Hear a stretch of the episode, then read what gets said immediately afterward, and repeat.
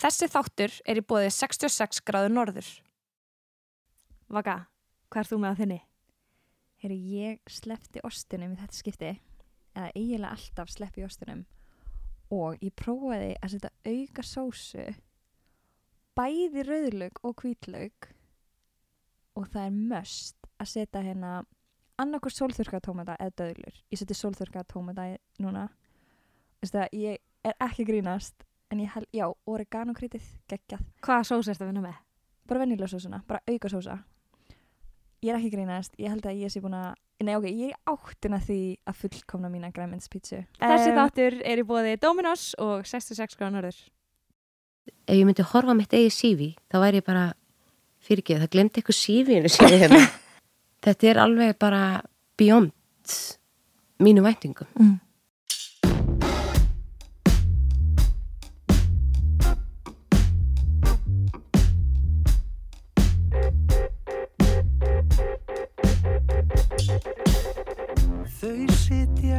Verið velkomin í þáttinn þegar ég verð stór.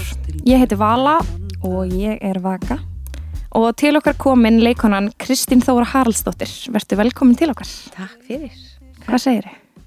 bara rosa gott það rosa gott, til hamingi með hérna nýju tilnefninguna í Shooting Star takk fyrir takk. kannski segir okkur nú, hvað, hvað þessi titill gefur þér já, hann hann þetta er mikil heiður og eins og ég skil þetta þá er þetta tíu einstaklingar frá Evrópu sem hafa verið að standa sér vel í heimalandi sínu verið að gera eitthvað hluti í, í leiklist sem er búið að koma þarna út og hitta castingdirektora og umbóðsmenn og svona stökkpallur inn í vonandi eitthvað svona international sambönd allavega frábært Og hvenar, ertu, hvenar verðu út? 8. februar Ok, spennandi. Mm. og farið þá öll tíu þessi tíu aðilar Já, hittustu bara þar geggjað í Berlín Gæðt.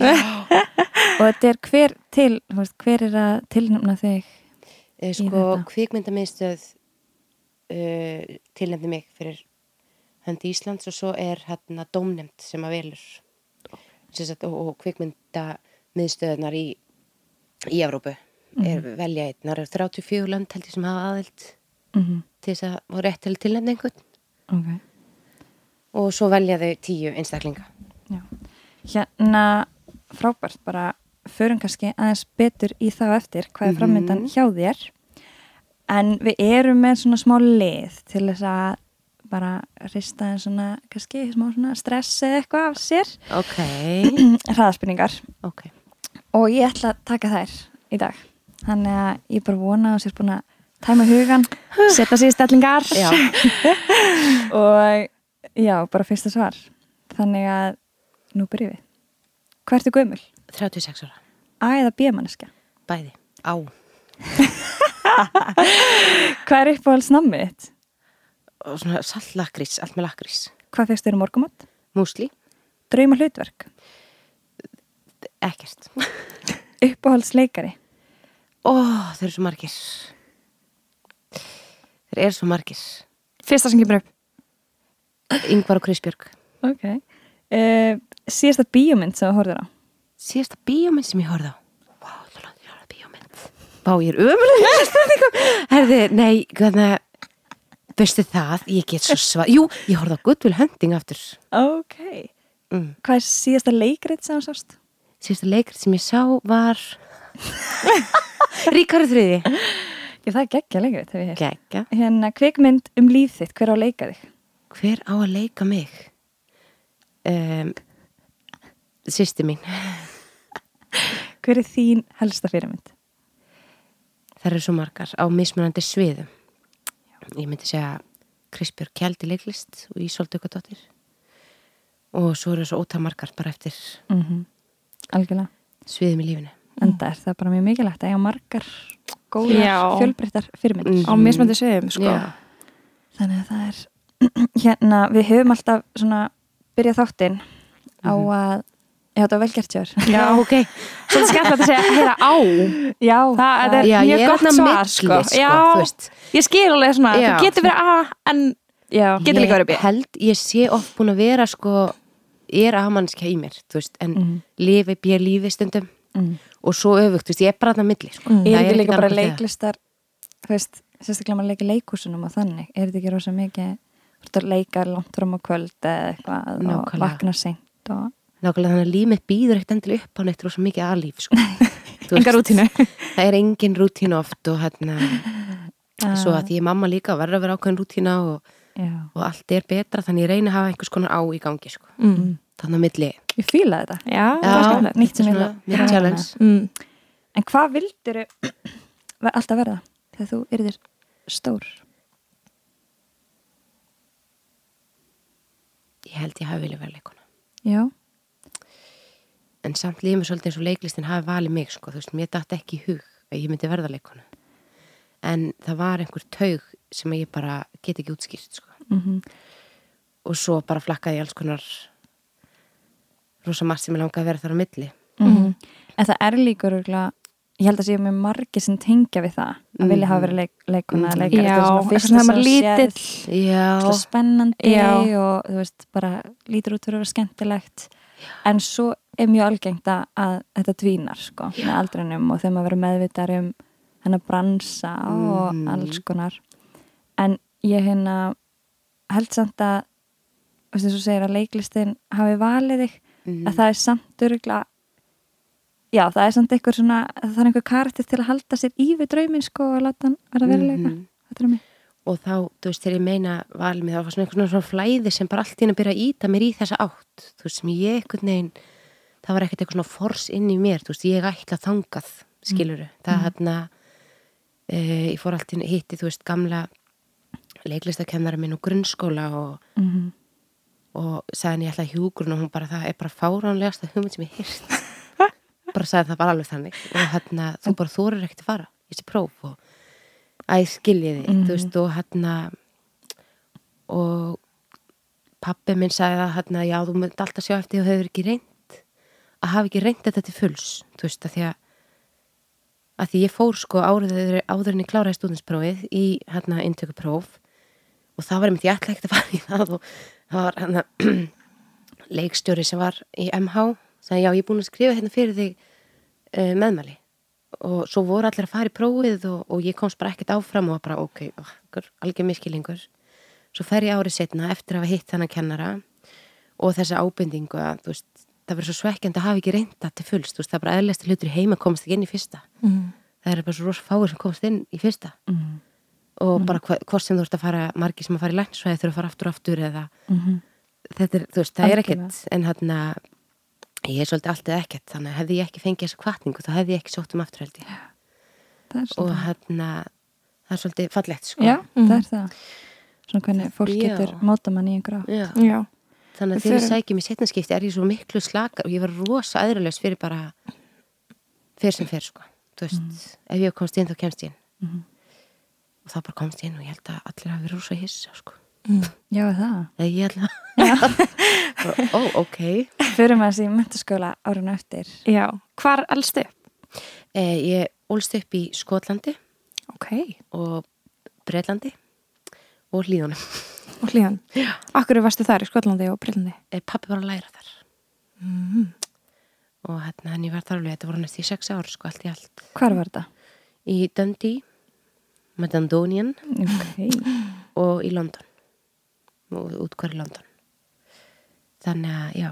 Það er svolítið allt annað en að nálast upp í frelsinu hérna heima sem krakki. Það er bara allt annað. Mm allt annað sko heldur að hafi mútaði einhvern veginn já, ég meina ég hef alveg stundum hugsað sko því ég var svona svolítið ég er svolítið kvíða mannskja sko og en auðvitað er það öðruvísi að vera bara úti að leika hérna á Íslandi eða þú veist það er bara börn á mjölkuferðnánum bóstaflega sem vera að leita þú veist, þú verður náttúrulega eins svona Mhm. stressaðri Mhm. mm. æskili Mm -hmm. Og ekki það að það sé ykkur rót einhvers en þetta eru auðvitað allt öðru sungkörfi miklu starra og og þá voru meiri, já og, og líka bara svona tungumálið þú veist að læra tvö tungumál á sama tíma um, Algjörlega. Varstu ennþá með hennar reym? já Já.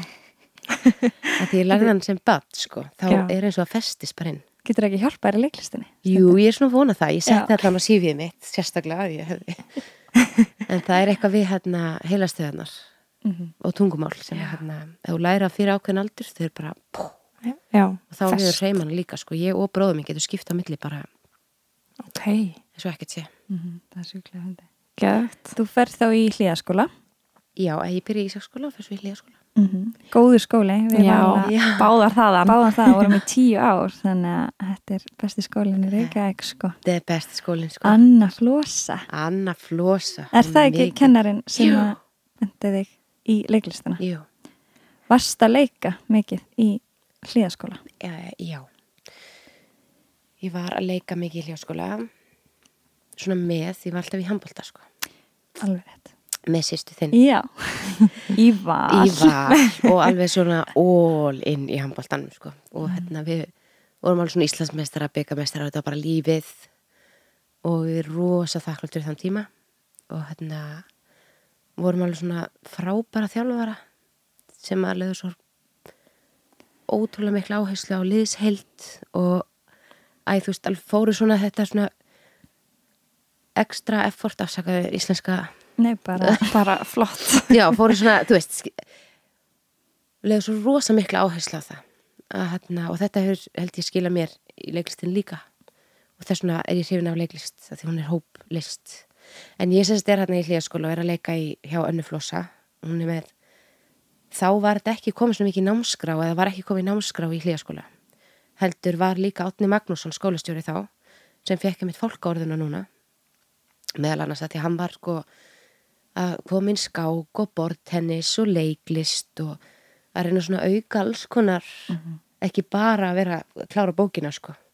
En að þetta myndi allt skila sér sem það svo sannlega gerði að því í dag er þetta orðið ég held að þetta sé, já í námskrá og hérna í hlýjaskóla settir upp söngleikir í úlingadeild eins og því mun eftir og allir með og En það margir sem koma úr hlýjaskóla. við Já. vorum að fara yfir þetta um daginn þegar við vorum að hugsa um viðtöl og bara alls konar þekkta einstaklingar sem fylgist með. mm Fárlegt hvað kemur mikið af flottu fólki úr já, hlýðó. Að þetta er lítill skóli. Þetta Þetta er ekki, þetta er ekki eins og rétt og eitthvað þannig, Nei. sko. Nei. þetta er bara tveir bekkir á sko. Mm Hera Hilmas, hún var hérna Já, Bjössi Tórs og Bergreppi. Bergur uppi. Bergur Eppi og, og hérna ég held að það hljóta að spila inn í sko að, að þessu var lift svona hátt upp sko Mm. Mhm. Og Hvert ferði svo eftir? svo fór Hljó. ég í MR Ok. og er bara íþrótt að svelpa og, og hérna í MR fer á starffræðibraut hvernig mér datt það í hug það er mér ennþá alveg hulin ráðgáta. Það var engin sjálfstekking bak við, bak við það ákvörðun og er bara öðru ári bara að bugast sko. Já. og hérna svo tek ég algjört omment um vorið fyrir MH og hætti handbolta og byrja MH og hef allt í hennar svo mikinn tíma. Þú veist ég er búin að vera svo mikið bara alltaf æfingum og átti engan auka tíma þannig og skráði mig á leiklistanámskeiðið. Og þær eru átt að grínast með það sem voru í stjórninu þá í leikfélaginu. Að hérna að ég þakka þeim að þær liftu mér á námskeið þó er búinu tveir tímar. Og fyrsta viðtali sem ég fór í eftir að ég útskrifaðist þar við séu heyrt og þar minnist ég á Irsu Þöld Gilvadóttur og ég ætla bara að gera það aftur og þakka henni kærlega fyrir þetta breyk en þá hérna og þá bara einhvern veginn var ég öllum sýningu þar og Þá í MH. í MH, fór í kórin og, og fór á félagsræðbraut og bara einhvern veginn mína hækkuðum sko, Tölvert, já. já bara alveg, þú veist það fann ég bara, já, herði, ég er alveg fýtt námsmaður sko. Þannig þú varst þessi praktiski svo sett, svona íþróttastelpa Mikið metna. mikið metna já, varst kannski líka það svona af hverju starffræðin braut, Va- fannstu fyrir einhver voru aðrir að fara þá átt sem þér fannst? Já, skilur mig? já, mér langaði bara að halda þetta opna því ég var ekki með ákveð hvað ég ætla að Já. gera. Það er ótrúlega algengt Já, fólk vil hafa sem mesta möguleika þegar það er búið og... það er alveg sniðugt. Já, svo lengi Já. sem þú hefur líka gaman að því Mhm. held Ég- ég sko. Bara nöðsynlegt og bara átt séns í þetta. Já, en það var það og, og alveg ég skil alveg það, þú veist og Manstu, hérna, hvað varstu að hugsa þá? Hvað langaði það að verða? Svona þegar þú ert að byrja í mentaskóla. Mér langaði að fara í landsræði Já, Eh, Ég vissi samt að ég myndi aldrei geta að fara í landsræði En hérna einhvers konar helsu tengt, sjúkraþjálfun sem ég hefði örglega ekki haft sjálfströst í að fara heldur og hérna hjúkunarfræði og ég vissi ekki alveg hvað væri en það, ég bara, mér dætti ekki annað í hugun þeir eru eitthvað mjög akademist nám sko. mm. Hvað gera fóldræðinir? og þeir eru læknir sjúka Já, og ég eru mikið af læknum í fjölskyldunni og hérna og hjúkunarfræðingum og mér, finnst það- mjög heillandi starf sko. já, og hérna já en ég bara var betri í í félagsfræði og svo í sálfræði og í mann þá alls konar sem ég lærið þar og þá ætlaði ég í sálfræði sko já. Ertu, er einhver annar í fjölskyldinni? Hva, með leiklistina? Veist, hvaðan kemur það? já, Hvaðan heldur að það hafi byrjað? sko Latti er frendi minn Já. getið svett ykkur Ok, Náskildur? nei, en ég talaði mikið um það þegar ég var krakki mér finnst það rostöf sko hérna við erum sem sagt pappi hans og afi minn voru bræður Já, ok. e, og veitir hver Siggi Þór leikar er Já. já, hann er frendi minn hann er, hann er yngri en ég. Við erum sískinu börn sko. Ok. þannig að það var ekki mikið.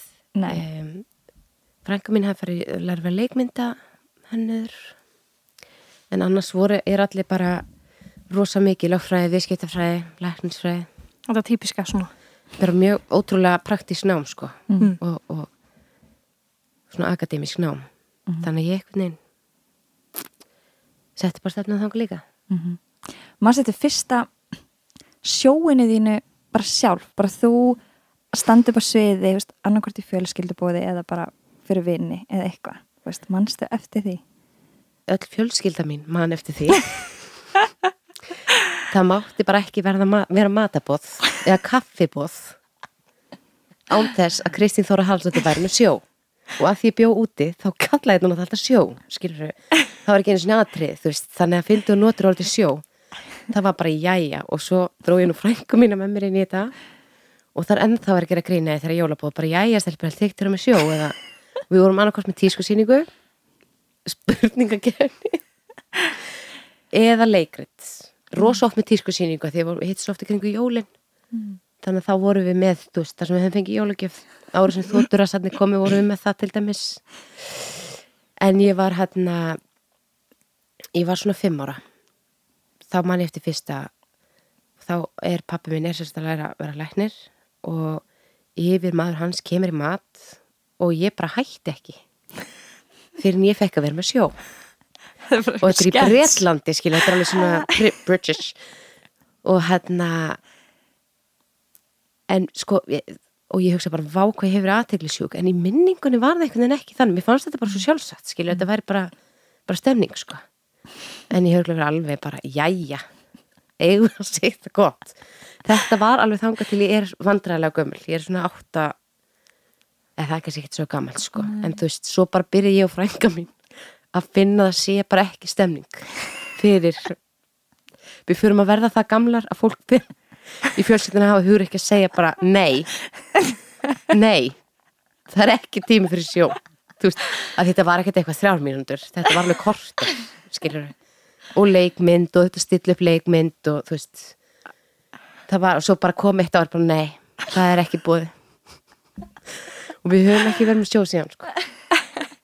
Því miður. Kannski einn daginn. Já, Já, kannski einn daginn, það er með eitthvað dustar ekki af, af, hérna, atriða skrán okkar. Hvernig, hvað fannst þér aðal munurinn á MR og MH? Uh, náttúrulega námslega, ekki sísta því ég náttúrulega var á svo rosalega ólíkum brautum.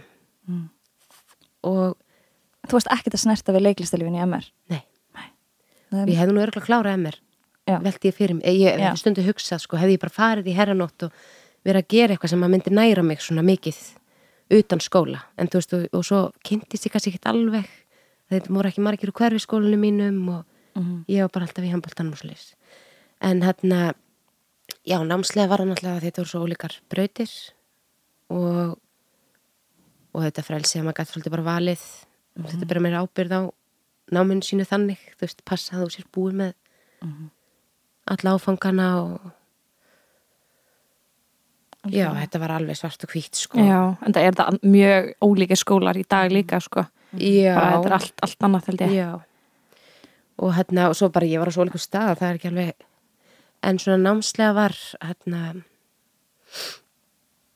var þetta mjög ólíkt Mhm.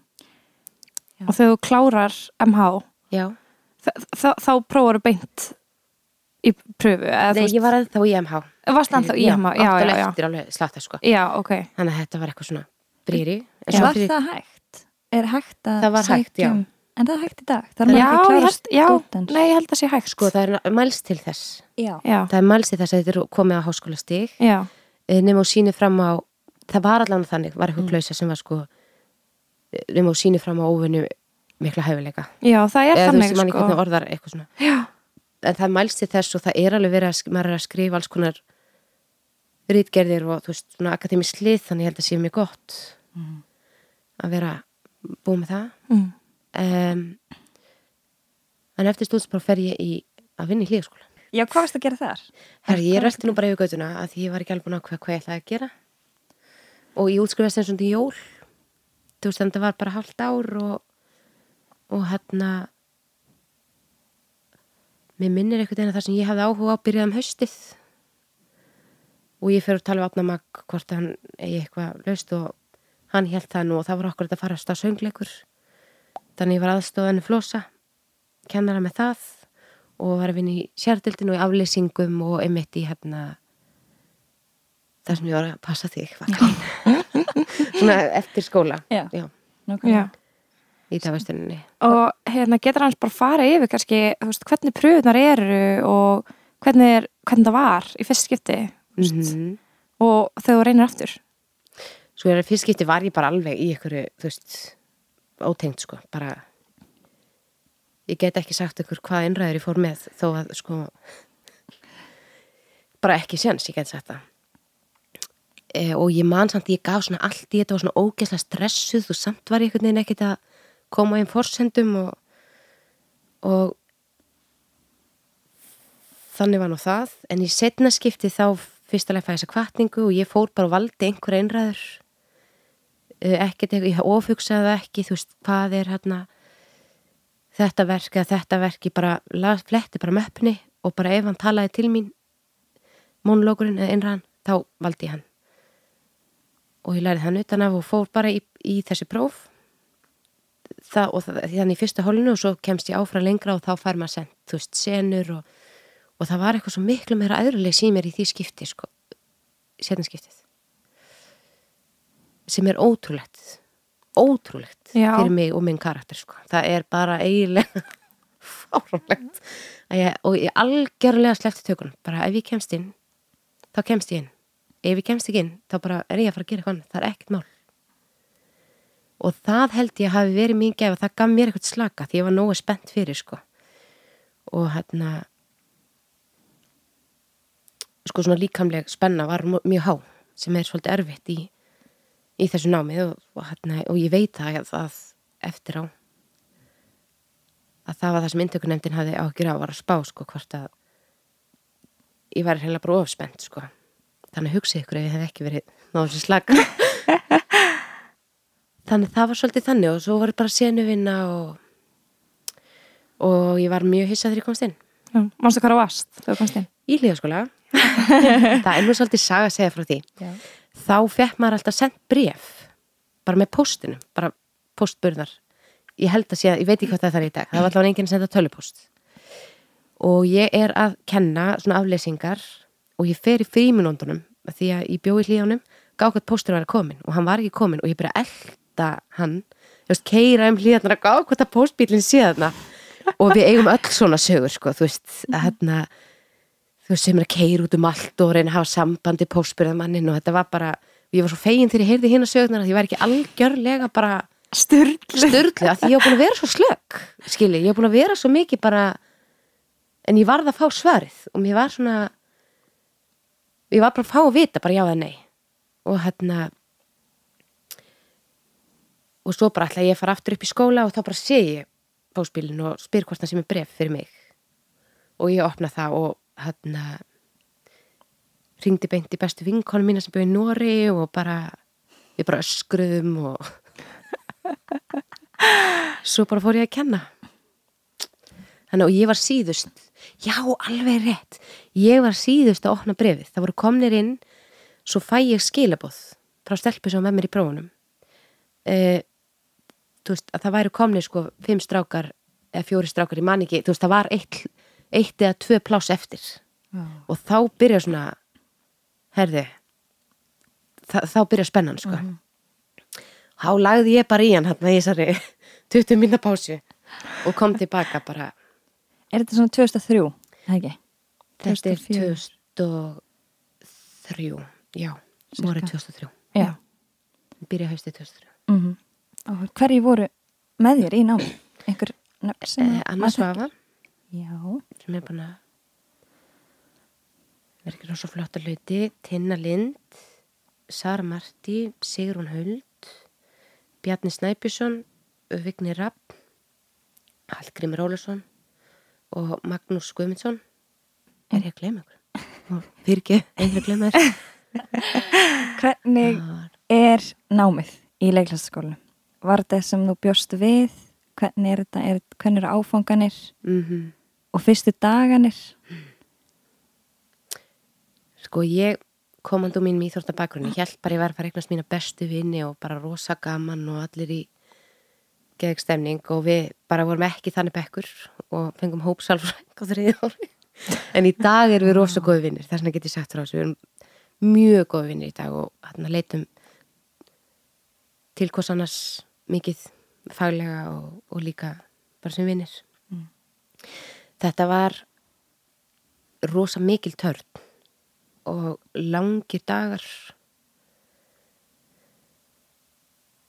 og hérna mér finnst þetta bara, er svona pínu blackáti sko, Mm. Þú veist. Vissir þú hvað varst að fara út í?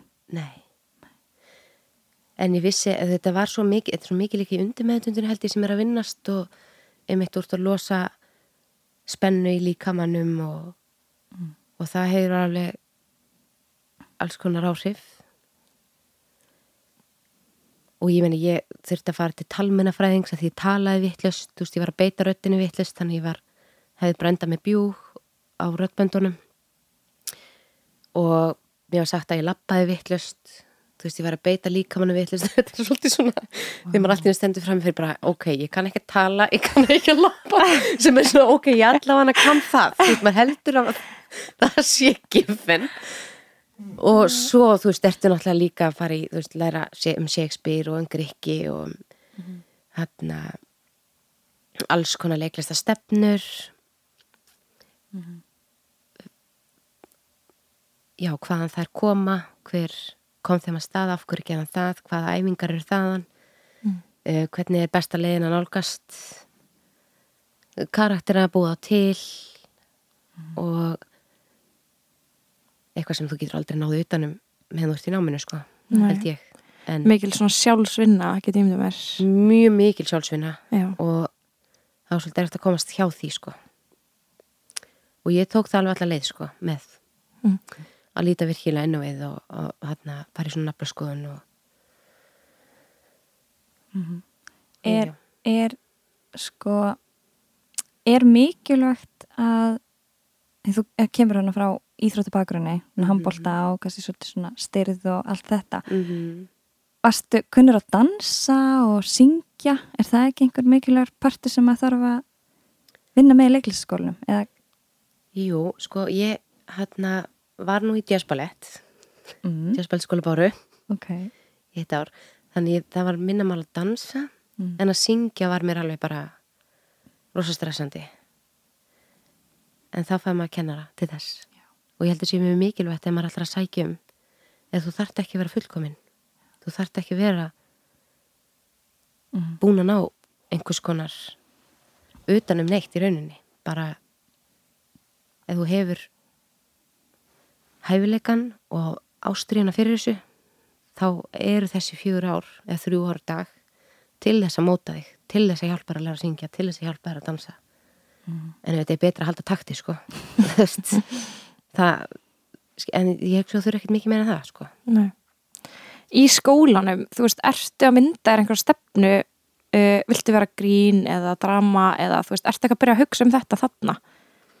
mm, ertu að meina hvort ég bara sjálf eða hvort það var, Já, Vera- bara annarkvæmst þú eða er verið að íta ykkur í einhverja ákveðna átt eða, nei, í rauninni ekki uh, það var einn kennari sem spurði þú veist hvar liggur áhugð þinn er það uh, samfélagslega hliðin eða segja sögur á fólki þú veist að finna hvar þitt liggur Mm. en ég vildi hafa vera sem mest opinn Já. Já. og þegar útskjáðast, hvað er fyrsta kikið? Þá var ég í óvitum fyrir norðan fór, var bóðið á samningi á leikfélag Akureyrar Mm. og fór í óvita sem að Siki Sigurjóns var leikstýra Já, gekkja. Og Mhm. býrðu þá þar? Já. Right. bjóð þar með bekkibráðum mínum Hallgrími Ólusinni nú búin vera saman í bekki fjögur ár og svo legðu við saman það var stemning Mm. En er því þá bóðið það starf eða sækir um það þegar þú klárar? Nefn að bóði það Mm. Og er þetta, hvað er þetta, hvað er þetta lengi fyrir norðan? í ár Ok. fekk hérna árssamning það voru þrjú verk og við síndum ég held að við varum að tellja það um daginn ég held að við erum að sína tólsýningar í viku eða eitthvað og þetta var alveg bara ros, þetta var eins og mastersnám sko Wow. bara fara þangað og vinna ógeðslega mikið bara í þessu bara rosalegt ár Mm Mm. Trúið því. ómetalegt sko Já, Sko, mér langar að spyrja, þú segir hérna með að það hafi komið svo óvænt að þú komst inn. Já.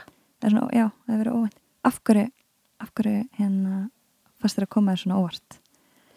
ég var bara með svo lítið sjálfströst sko. mér fannst ég hérna mér fannst ég ekki nógu falleg mér fannst ég ekki nógu hérna hafa lúkið í þetta sem er mjög það er bara heiðalegt sko að segja það það var þannig. Uh, mér fannst ég einhvern veginn ekki bara, bara e- ekki eiga neitt í þetta. Og en á sama tíma fann ég alveg sko, ég viss alveg ég hefði eitthvað í þetta.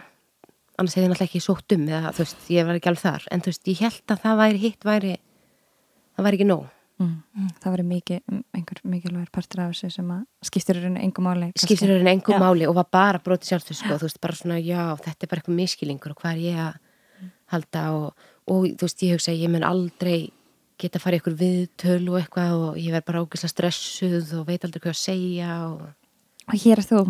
hér er ég búin að vinna mikið þessu já. Nei, þú veist, það var hann það var það að ég hefði ekki trúað því bara Já. að það væri En þú er kannski mjög þakklað þeim sem að svona dreifiði í þetta og ég, svona ég, bara, ég væri ekki að gera það sem ég var að gera í dag sko. Mm. það var alveg þannig sko, að hann þó ég vissi að ég já, eins og ég sagði hann bara, ég vissi að ég hefði eitthvað í þetta en ég hefði aldrei haft sjálfströsti að bara, jú, ég ætla að gera þetta Mm. ekki á þessum tímpúndi, kannski hefði það komið þú veist, ég veit það ekki Það er náttúrulega erfiður aldur líka. veist, Um tvítugt og eskil og bara eitthvað, var alveg tínd og, Hvernig byrja boltin að rulla eftir Akureyri? Hvað Mhm. svona tekur við eftir það og, og ertu og líka sko ég held að við báðar svona áttum okkur ekki alveg á þessu bransa það er náttúrulega fáralega harður heimur mm býst maður við bara hvernig þú færð hlutverk Mhm. hérna heima, Mhm. sækjur um þau ertu beðin, eins og í þessu tilfelli Akureyri ertu beðin um að koma? Sko, áður en mér er bóðið að koma norður, þá er ég byrjuð að hugsa bara hvað ætli ég að fara í háskólanum? Því mér datt ekki hug að ég myndi fá hérna samning. Bara ekki, datt ekki hug. Þannig aftur er svona þetta aðrulegs í mér að bara leifa þess að bara bara ef ég á að vinna við þetta þá gerist það. Og ég bara vanda eins og ég get. Mhm. S- mér er bóðið eftir Akureyri að fara í borgarleikusið og ég er þar á samning. Það er ekki svolítið stort með að við eða svona, það er Jú, ekki, nýtt, já, það er rosa stórt. Já. og ég var samt alltaf, þú veist, fyrst var ásamningur og, og alltaf á vorin var ég bara, ó ætli ég fá að vera aftur á næsta ári. Og mér þykir að væntu þessi tilfinningu að því að hún hjælt mér alltaf svo rosalega á tánum. Þú veist, þetta var gott að hafa þessa tilfinningu Mm. skilu, ég verða að standa mig. Og ég hef hann ennþá í dag þú veist, mér finnst ég verða að standa mig. Skilu, mér verða hérna þannig að þetta fer í staðin fyrir að verða eitthvað svona, ó, svo herðu heimur. Þá fer þetta að verða mér rosa svona bara þetta verður mér meira bensín heldur en hitt skilji. Og að ég alltaf bara var ótrúlega lánsum að ég fekk hlutverk. Uh, og svo fæ, fæ fasta samning og er þar Já. Og hvenær byrjaru að eins og núna hérna Erst múin leiki andeðilega til hamingju með hana, ég var að horfa á hana um daginn, mjög flott og, og Lómar að falla sem allir eru búin að sjá, þú veist. Hvenar ferðu að horfa einhvern veginn í þá átt frá leikusunum í bíómyndi eða þetti og... mm, ég var í föngum og mér fannst það rosa gaman að breyta til. Nei, ég var í stundin okkar. Já, alveg rétt. Ég var í stundin okkar og það var rosa gaman. En svo held ég bara frá mig leikusinu svo byrja ég svona að banka upp á meira fleiri verkefni. Og ég svo hefur, er ég bóðið í pröfur fyrir Andi Elja, það tók rosa langan tíma. Ég held ég að fara í pröfun í februar og ég fekk ekki hlutur ekki fyrir júni það er svolítið langt tími hérna á Íslandi. Og eitt leiðir af öðru svolítið þar. En á sama tíma þá er ég einstæð móðir. Þannig að ég held ég hafi líka verið miklu hugrakkari að bara með að bóða eitthvað ég segja já. Skilji bara, já. Náðu aldrei að fara í þú veist, ræði við þetta er þetta, En ég talar þetta til mín þú veist, það bara, já, takk takk fyrir, takk. Mm. mm En einmitt eins og það að taka við verkefnum. Mm vorum að ræða þetta. Hvernig veistu að þú sérst að taka á móti góðu verkefni? Og þú ert bara með eitthvað í höndunum. Far kannski eitt kaplaðar handriti eða eitthvað og þú ert bara, já þetta er, þetta er það sem ég ætla að fara út í en ég veit ekkert hvort þetta mun vera geggjað eða bara Mhm. algjört flopp maður veit það ekki, fyrir víst mm. en einu mæli, einu mæli stíkan sem ég hef er bara innsæðið sko. það hlýtur að vera mikil áhætta já nema maður sé aðstöðu sem er bara ekkert annað í búði sko. Já. og að finna þá bara líklana sem að þér finnst vanta og Algjörlega. hver er svona helstu munun á leikúsi og bíó eða þátt. Það er leiktæknilega náttúrulega allt öðru sé í bíó fer, eh, tekur allt meira svona inn og getur nota augun getur nota svona litla dítela. Um, menn í leikusinu þarf alltaf að vera aðeins starra og, og svo náttúrulega þetta augljóslega að leikus er bara einn taka allt leikritið. Svo bara er það búið, þú veist, þú fara ekki þessi áhörundur aftur sko en þú getur nostra meira svona í mómentinu. Mm. líka það að læra heilt handrit utan að í, í hérna, leikúsi og það er svolítið svona erfitt að muna alla setningar og allt þetta og bara þú veist ótrúlega tækni sem ég held að enginn skilja um, hefur ekkert sem að rugglast? Mannst eftir einhverju mómenti í leikúsinu sem þú varst bara alveg út úr kortinu? Ó já, ég á eitt moment sem er rosalegt í mínum bókum. Þá er ég að leika í Shakespeare leikriti líka, þú veist alveg Shakespeare og er í svona gull samfellu, ótrúlega glæsilum búning, svona krullur og stend á efri hæð með svona risa vangi. stend sem þetta efri hæð á leikmyndinni og á svona þruma yfir líðnum í bundnu máli. Og ég stend þarna og ég bara aldrei, hvort ég finna síðar upplega þetta, ég bara, ég vissi ekkert. Hvað ég segja, og ekki eins og um hvað ég var að tala. Ég bara, ég bara fór í þetta blackout sem maður heyrir, bara svona svo martröð bara ó nei, og ég stend þarna bara og horfi bara og það var svo tíminn bara stæði í stað. Og þá man ég hérna að ég hefði ekkert að vinna með yngvar í sig og hann sagði að ef maður lendir í þessu verður bara að byrja. Þú verður bara að byrja að segja eitthvað. Og það kemur, þú veist. Bara opnaði munnin og ég, ó vei ó vei byrja bara byrja að veia þarna eitthvað. Og, og það bara allt í bara Já, koma, rennur allt en það var algjörst adrenalin kick sko. Er þetta í borgarleikusinu? þetta var í borgarleikusinu Mm. og svo var annars skipt sem ég var að æfa inn. Sem sagt þá var ég að taka við hlutverki. Og það gerist rosa hratt. Og þannig ég þurfti að hafa handriti á hlið, hliðar sviðinu og þá var ég alveg örug sko, ég var svona ekki alveg örug hvenar ég kem inn, ég vissi alveg allt allar mína setningar og senuna mína en ég var ekki alveg með svona tilfinningu fyrir aðdraðandanum, hvenar kem ég inn? Hvað er að gerast á undan? Og svo leys sem að gerist náttúrulega bara þú æfur æfur og ég bara þarna geið með handriti svona aðeins á hjá hliðasviðinu og svo sé ég bara þeirra að færa leikmyndina og ég bara nei, nei, nei, nei, nei, nei, nei, nei, nei. Og þeir bara að taka handriti með sér og ég kemst ekkert. Þú veist, þannig ég stend þarna með svona bakið í leikmyndina og bara ég veit ekkert. Hvenar ég á farin á svið hvort ég á að vera á sviði þetta var hræðileg tilfyrir svo bara svona kem ég hérna lappandi svona rosa hægt inn á svið. Þá sem betur fyrir Jói Sig leikari svona algjör kempa og hann bara sér í augunum á mér að ég er eitthvað tímt sko. Og hann svona bara, og ég stend bara og ég er akkurat svona svo föl í framan að því að karakterinn var þannig. Og hann svona veiður minn. Og þá, það gerist ekkit alvarlega en það en þetta er mjög stressandi Já, ég get ímyndum með það. líka það sko hvernig þú lærir hérna hvernig lærir heilt leikrið utana Ég veit það ekki. Nei, maður brýtur auðvitað leikætti svolítið niður en að læra senu fyrir senu og hann því ofta sem maður gerir senuna þá fyrir byrjar þetta að setjast í líkamann og, og að læra bara hvað hún að segja en ekkit endilega undir textin sko Mm. og svo bara allt í henni byrjar þetta að koma. Já.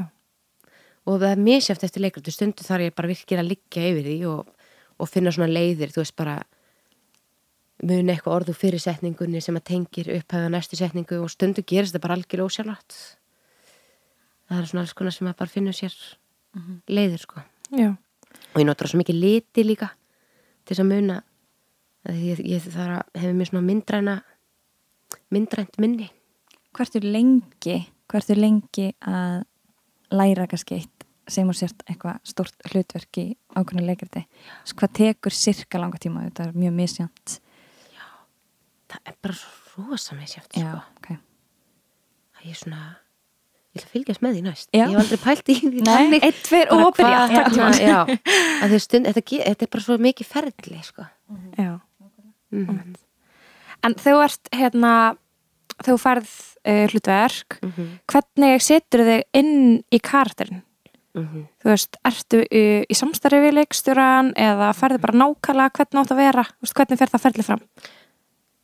mikið í samstarfi við leikstjóran það er langt best þá byrjar, kemur eitthvað frá þér og þá verður það satt og ég held að það sé það sem hreyfið áhörundum það er þegar sannleikurinn kemur svo fer eftir hérna eins og fyrir andi eðlilega þá hlusta ég mikið á podcast um þeir sem hefur ná bata frá alkoholisma og og fyrir að lesa mig til um fátækt á Íslandi og, og þú veist maður reyna að finna svona svona stóri ringurinn það tala um stóra ringin um hvað er verkið hvað efni er, þú veist og hvað þú veist þá lesum höfundin á hvað tíma var hann uppi hvað, hérna, hvað hann kemur hugmyndirnar hans já, og svo gerist þetta rosa mikið með mótleikaranum þú veist, það er rosa hérna ótrúlega mikil gæfi að vera með mótleikara sem eru all-in með þér og þetta er svo mikið samstarf sko. en svona þegar þú ertu undirbúið fyrir hlutverk mm. ertu hefur einhvern sem að þurft að breyta þér útlýslega Já, og ég reyna oft að finna vingla sem ég get, þar sem ég get breytt mér útlislega. Þannig að hárið verður oft fyrir barðinu á því. Og enda er undan með að það brann af núna frekar nýlega þannig að já, ég er smá pásu með að lita það en eins og fyrir lómarfalla þá eh, litaði með hári ég var nýbúin að aflita fyrir Stel Blomqvist. Litaði raukt og var klift allt svona skakt og, og ég var með góm þú sem sést ekki endilega go Já. í því hlutverki Já, þannig að tennutnum voru svona verð farnar en líka breytist aðeins, þú veist bara svona lítil, lítil atrið sem áttir þetta að breyta og það gerir svo mikið Mm. í bíó. Um leið og gera hann svip, þá bara fekk ég magna sko. Já, það er hérna, það er eitthvað sko. Já. það er það sem mér finnst svo skemmtilegt í bíó svo margt sem litli hluti sem hún getur breytt og við reynum mjög ofta að skoða hvernig karakterin lappar eh, holningin er. Og það er ofta ekkert eitthvað svona vó, þetta er bara alltaf holning. En ég finna að þetta er karakterin uh, útlýslega ég vil raka á mér hárið svona uh, á hliðunum. Eins og ég segi það svona maður svolítið ég hef notað hárið mjög mikið í því. Og mér finnst þarna sko hár og förðun.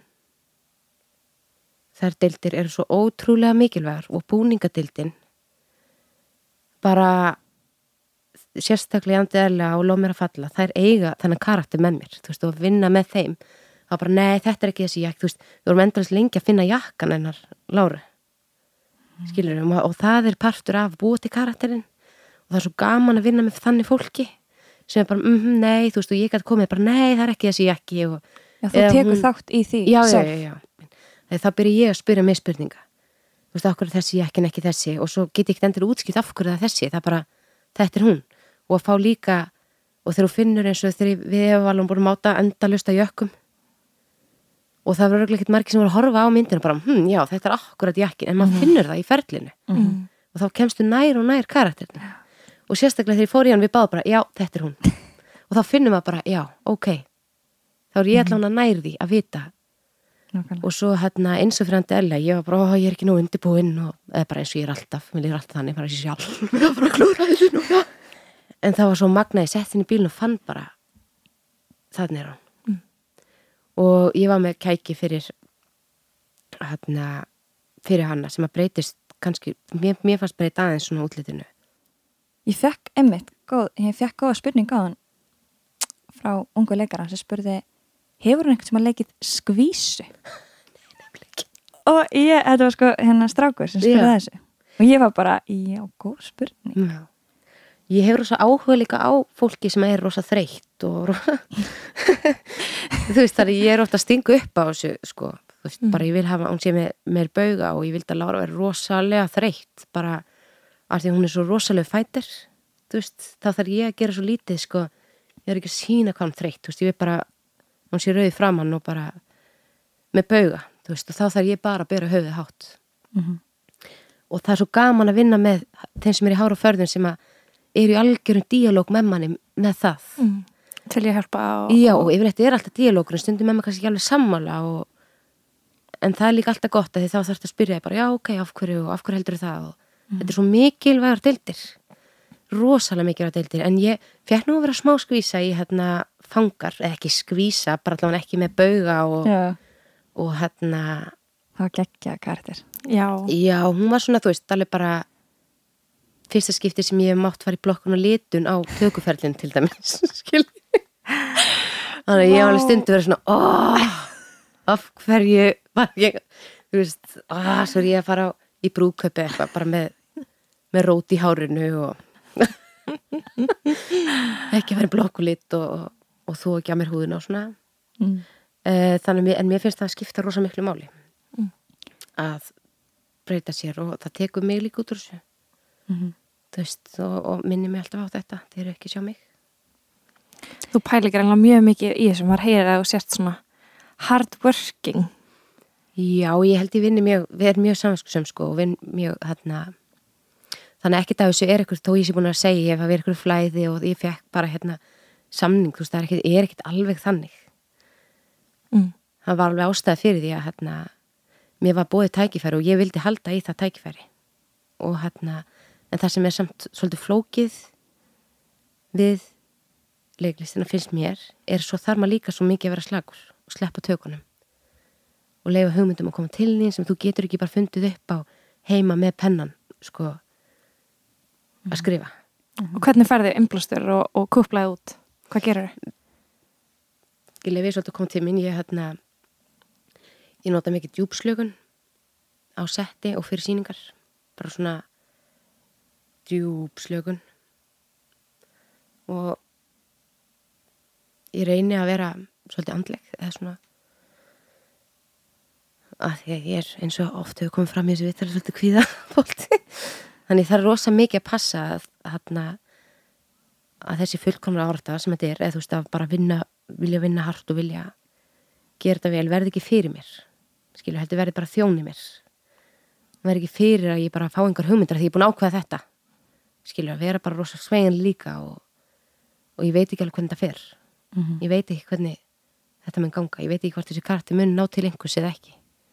Þegar þú ert að taka upp uh, andi eðla, þar leikur einstæða móður sem að er í fíknefnanda uh, og alls konar. Já. Uh, varstu þá byrjuð að lofa mér að falla eða, eða klárar það og fer síðan? Nei, já, ég var ekki byrjuð að mér falla Nei. það, það var ekki komið inn eða neitt sko. Er einhvern tíman oft þannig að þú sért með tvö hlutverk í einu? Já, Hvernig er það, getur það ekki verið oft, en sérstaklega svo segir, þú ert að lifa þig virkilega inn í einhver karakter mm -hmm. og svo alveg bara svitsa, þú veist. Hvernig svona kúplar þig oft inn í hlutverk? Sko það er alltaf það sem er þessi svona leiktækni, það sem maður er líka að læra í skólanum. Það er þetta, þessi undirbúningur sko, í hvað heimili er karakterinn, hvernig hugsa karakterinn, hvernig talar hann. Eh, Ég er oft mjög með eitthvað svona kæk fyrir minn karakter sem bara ég veit af, sem sést ekki einu sinni. Sem að hérna, ef mér finnst ég verið eitthvað tínd þá nota ég þannig kæk og ég finna hann bara, þetta er inn alls konar svoleiðis, ég nota rosa mikið tónlist sem að mér finnst, ég tengi við karakterinn. Þannig að þá kem ég, hita ég mig upp þannig. Þú veist ekki til þess að þetta ykkur trans heldur bara til þess að mitt að ná í bara þetta er það sem þessi karakter að segja þessi svona reyður hans í svona talar hans talar hann og, og þetta er hans hlutverk hér í þessu verki sko, í Nákvæmlega. þessari sögu. Hvað er svona erfiðasta hlutverki sem þú tekið þér? Magna í lómir að falla Útrúlega skiljanlegt. Já, Það tók mjög á þig, er það ekki? Jú. Að þú hefur talað svolítið svona opinn bella um það. já, það gerir það Stu lengi, hvernig fór ferðlið fram með það?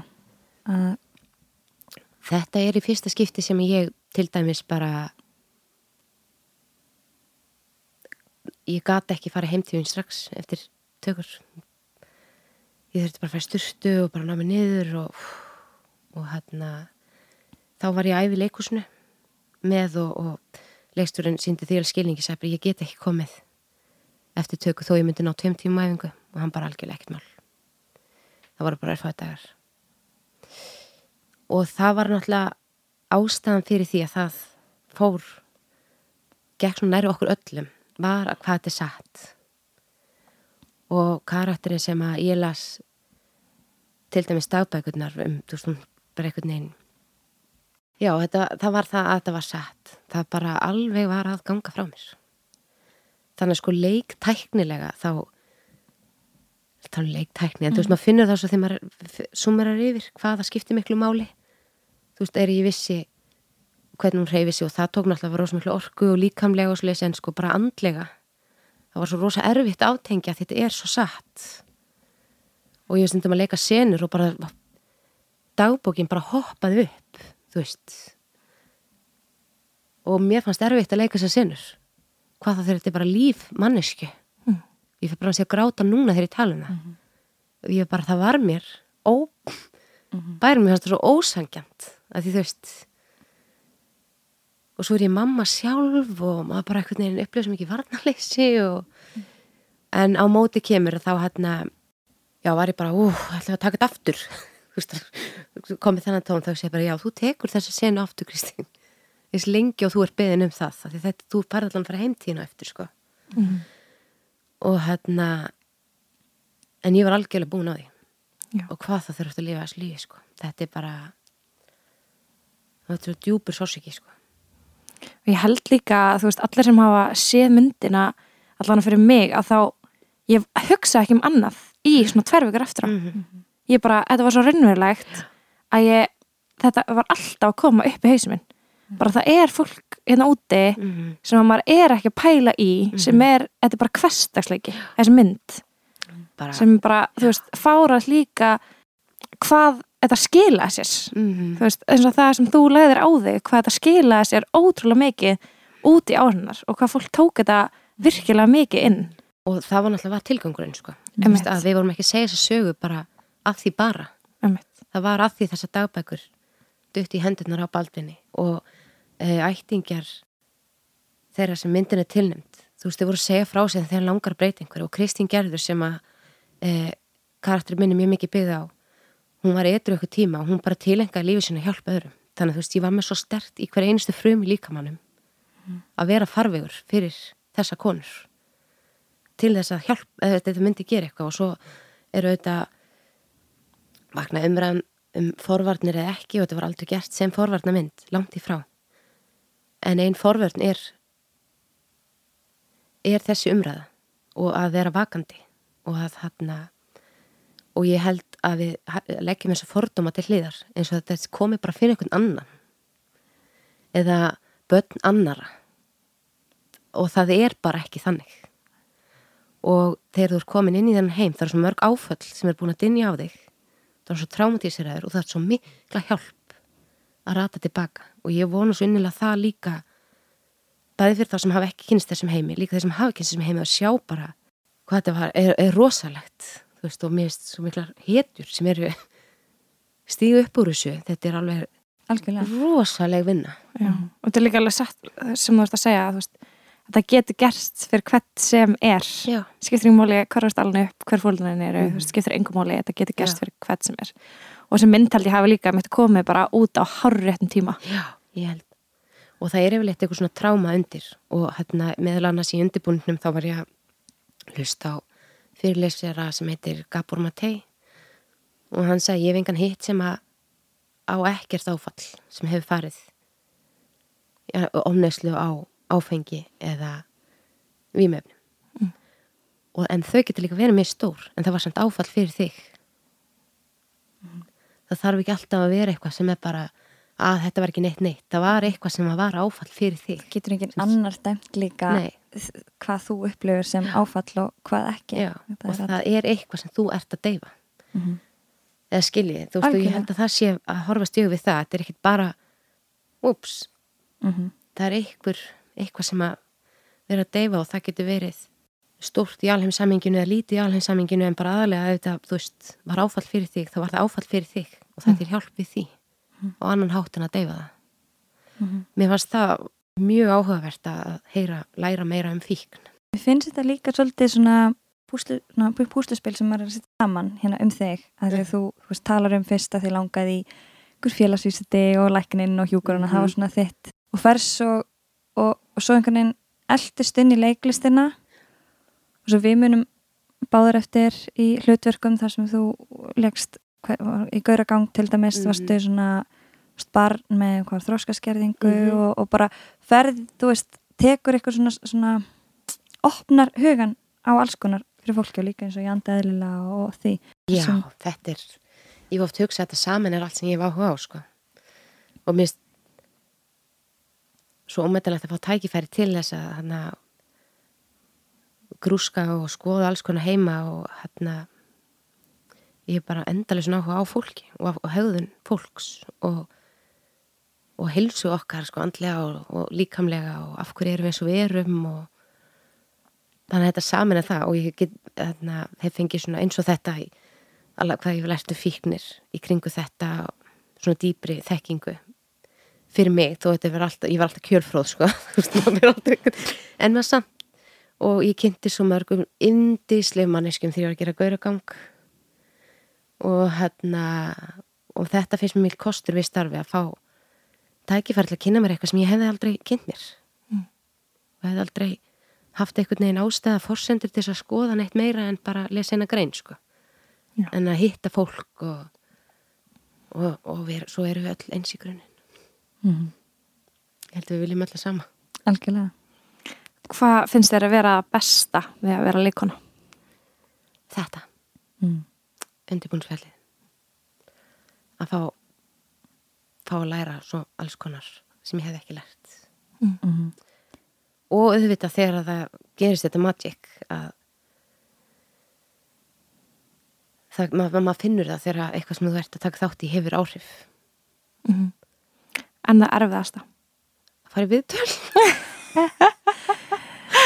það rosa erfitt sko við erum svona náttúrulega alltaf verið eitthvað sko en Já. ég hérna, ég bara alveg frýs og fæ bara bara kvíðakast í marga daga og og lesi yfir aftur og aftur við tala örugglega alveg óþólandi en hérna en ég er að æfa mig í því Sko, þú talar um kvíðan mikið. já, já, Það er bara svo ótrúlegt, ég hef heyrt þetta hjá fleira leikurum. mm er svo þetta spila eitthvað saman sem Mhm. er svona svo ótrúlega eitthvað kaldanslegt að því að þú, þú kemur í einhver aðstæður sem allir væru að deyja á stressi.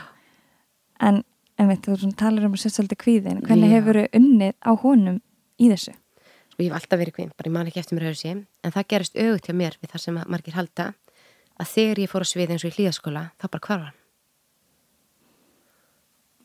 bara einu skipti sem hann fór bara, og ég bara fór bara, bara datt út og bara hó, var alveg í mómentinu, augnblikinu og var einhver annar og það, það, á, og það tengir svolítið viðtalaspurningunni það á betur við mig að vera einhver annar. En svo þegar ég fyrir viðtali bara að spyrja mig að einhverju, ég hef bara, ó, ég veit það ekki ég veit það ekki. En ég get alveg verið Já. en þá, já, það, þannig að það hafði auðvitað áhrif. Og ég var alveg mikið í þessu með kvíðan og þetta er eitt af því sem gerir mann vulnerable og kannski þess svona opna maður meira. Á að þjóta að tala um leikara sem að upplýða Algjörlega. já, ég er bara að leita til fagaðila og, og, og virkilega þarf að vera vakandi fyrir þessu sko, annars bara ég dróð mig upp sko. En ég vissi ekki að þetta væri kvíði. Mér finnst það svo áhugavert.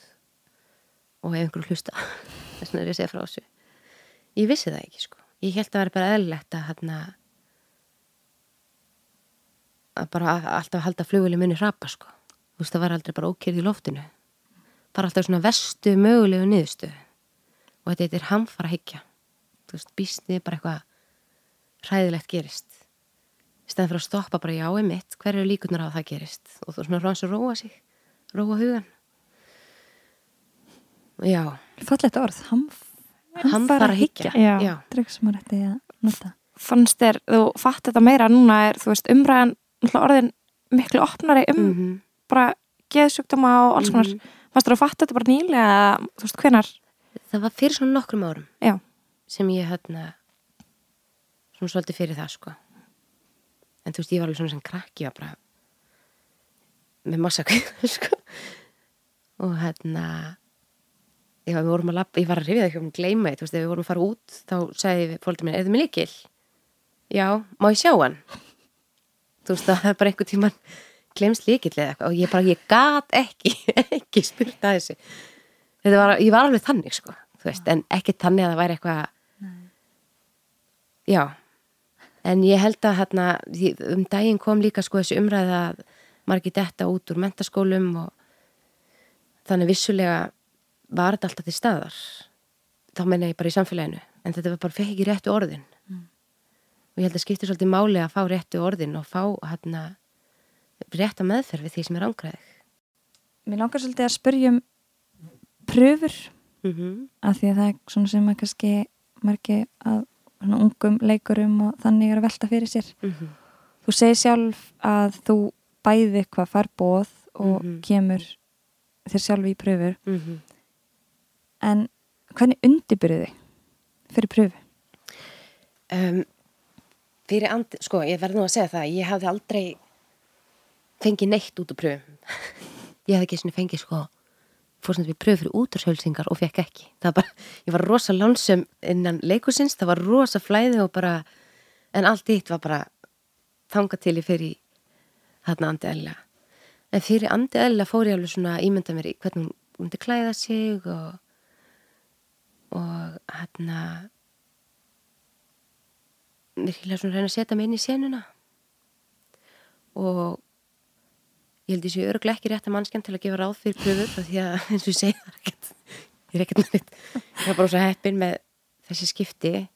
En einhvers staðar heyrði ég að oft eru leikarar neikstjórar líka bara að leita hvort þú sést með þú veist rétti energi og rétta elementið og þú veist þannig að maður held að maður því slakari sem maður sé undirbýr sig og notar instinktið og innsæðið og hvað heldur þú að þú getur gefið þessum karakter og hvað er þetta hvað kemur til þín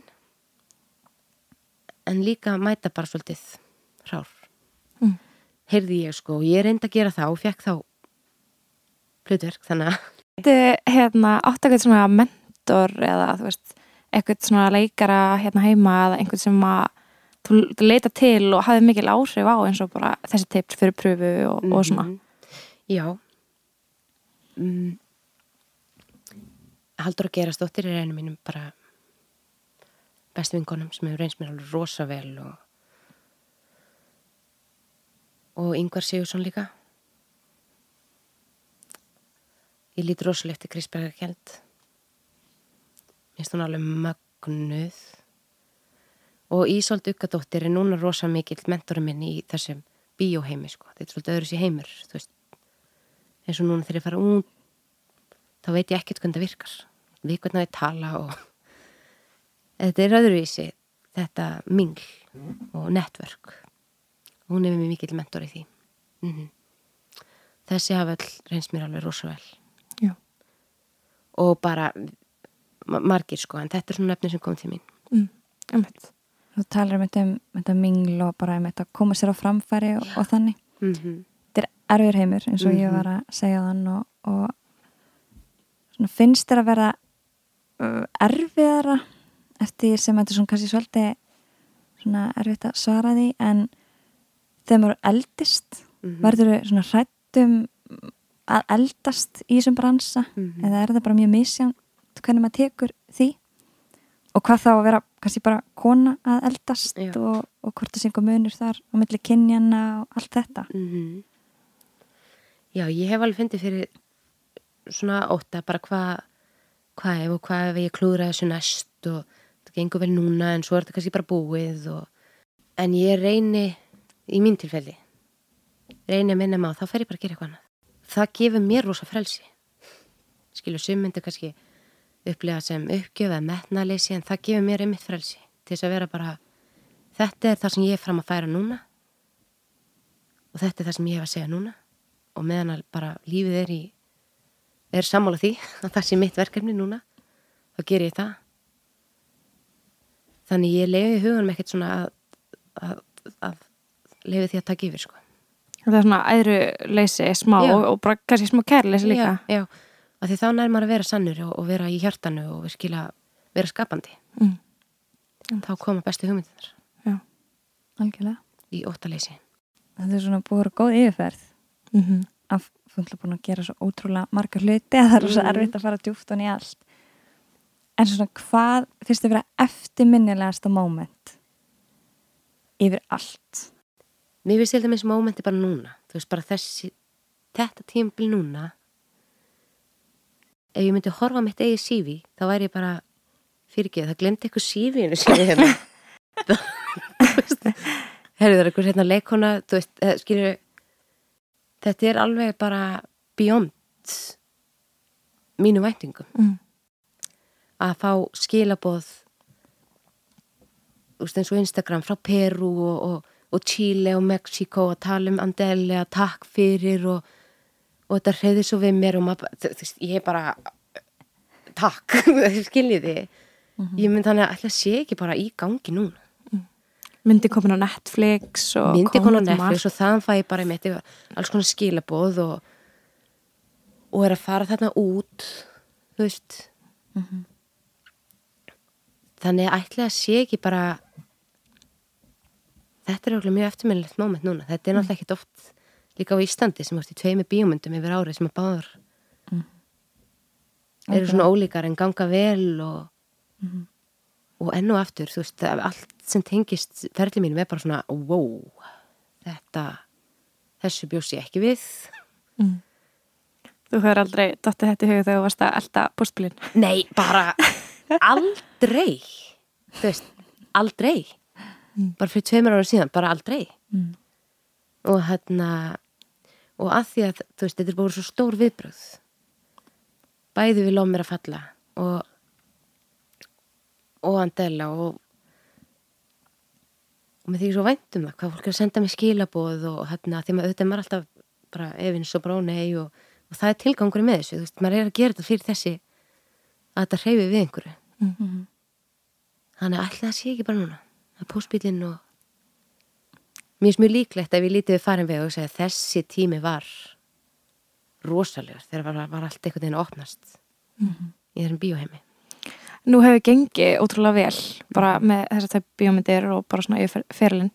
Eh, Manst eftir einhverju verki eða einhverju sem tókst þátt í sem var bara algjörst flopp. já, já, já, já. Algjörlega. Þú veist er það grínast? Sem er bara ógeðslega, ég ætla ekki að nefna það. Okay. bara að virðingu við margt og alla. Algjörlega. Og þú veist sem er bara hvað var þetta úf, ég bara, ég er bara svona vandræðileg bara er í hugsamönda en það er bara partur af skilji. Það er partur af ferðalæginu og bara þroskast og maður, ég held að maður læri eitthvað af öllu og, og gerir það betri listamanni eða, eða eða þú tekur það bara. Og vitandi, þú veist og vita þá allavega herði, ég bara gerði mitt besta hérna og ég gati ekki gert betur. Algjörlega. Nú ertu búin að vera svo mikið, svolítið mikið heima og náttúrulega bransin er lítill heima. Ertu að leita eitthvað út fyrir landsteinana? Nýta hennan hreim. Já, nýta heiminn Já. það væri búið gaman og ég er að fara þarna út ég er búin til nafspjöldur svona skiljið en svo hefur reyns mér svo vel að vera aðrulaus og að gera bara mitt og ég stjórn ekki niðurstöðinni þannig að ef að það er Meira eða að kalla til þín þá? ef að það, ver, ef að það, það gerist þá er það frábært. Þá mun ég alveg stökka á þann vagn. Mm. algjörlega. Og ég sit ekkit heima bara að býða eftir að gerist eins og ég segi, þú veist, ég er alveg bara Já. það væri volið gaman en það hefur eins mér mjög vel að vera ekkert að forsera neitt. Það bara það kemur sem kemur og ég vanda mig hvert einst skipti við það sem ég er að gera. Og fer sem fer. Mm Hvað heldur að sé sem að gera þig að svona góður leikunu? Takk fyrir leikuna ég held sé óhrætt við að fara inn í sannleikan þú veist það bara að vera farvegur fyrir þessa karaktera. Og ég held ég nái ágætlega að stilla af sko it's not about me, eða snýst ekki um mig. Og að ég fái prósið, heldur að þið sjáuð einmitt alls ekki mig. Sem var svolítið bara þessi fósend þegar ég var á sviðinu á hlýjaskóla bara ekki sjá mig og þið sjáu karakterin að þið hann lengar áhuga á sjá mig, skilur í myndinni, þið vilja sjá hana karakter og ég held ég að fengið ágætt þjálfin í því og verkfæri til þess að geta gert það Hvort heldur uh, að þú verðir, uh, viltu færa þig meira út í bíómyndir og, og þætti? mm -hmm. Eða leikhús, þú veist, hva, hvar sérðu þig eftir nokkur ár? Mér finnst það rosa gaman í leikusbíó Nei, í Allt saman leikhúsbíó. bara. Allt saman. Á, aldrei taka afstöðu Þarna Mér finnst rosa gaman núna í bíó og, og sjónvarpi og, en verða áfram í leikusinu og við sjáum bara hvert, hvernig, það, hvernig það fer sko Mm. hvað lífið hvað plan lífið er með sko Algjörlega, sem eru mitt svona einu okkur loka spurningum. Hvað ætlar að verða þegar þú verður stór? Hvað ætla ég að vera þegar ég er stór? Ég ætla að halda áfram að vaksa sem manneskja. Já ég vona það að því það hérna, einhvers sagði meðan ég verið í skólanum að, að vera góðu leikari snýstum að vera góð manneskja. Og að bæta sér sem manneskja og að bæta þessi leikari í leðinni og ég vona, vona að ég verði þannig. Ég vona, ég, það var viðtal við Kristbjörgu sem búin að minnast á.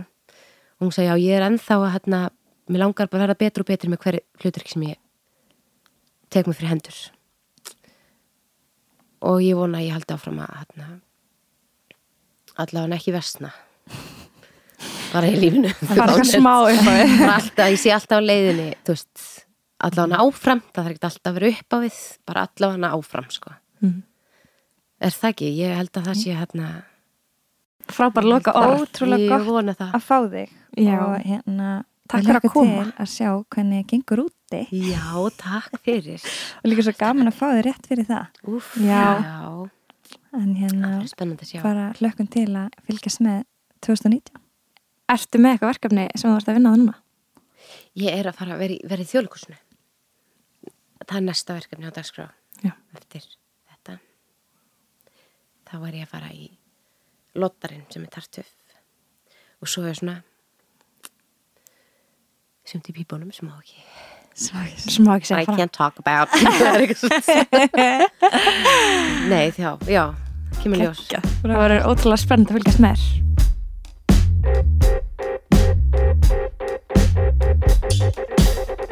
Þau sitja eftir með auð sætisplás til beggja handa.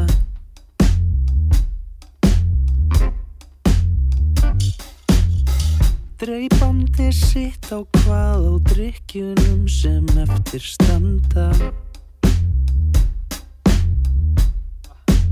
Alveg sjálfsagt, ekki að minnast á, láttu vaða leistu skjóðu frá ég segi engum. Svo krifjast hjartans mál og einhvers andadýr er panda.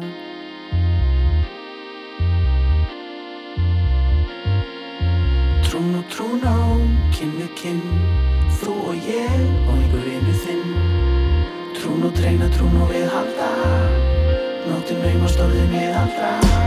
Trún og trún á, kinn við kinn Þú og ég og einhver vinur þinn. Trún og treyna, trún og við halda. Nóttin naumast orðin við aldra.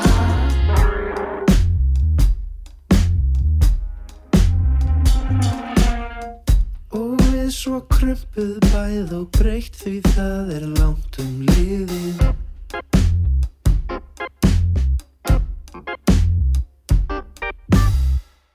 Og hundruð hunda ára hafa okkar daga drifið Alveg sjálfsagt ekki að minnast á. Láttu vaða, leistu skjóðu frá. Ég segi engum Trún og trún á, kinn við kinn Þú og ég og einhver einu þinn Trún og treyna, trún og við halda Nóttin naumast orðin við aldra Trún og trún á, kinn við kinn. Þú og ég og einhver einu þinn Trún og treyna, trún og við halda Nóttin naumast orðin við aldra Hann ber af sér blag frá makanum Þau takast á hvort skuli saka um. Þau takast á hvort skuli saka um. Þakið sem rakar í rakanum. En ég makaði áður frá þú tilbaka Vert ekki hengjandi smið fyrir bakara Bakara,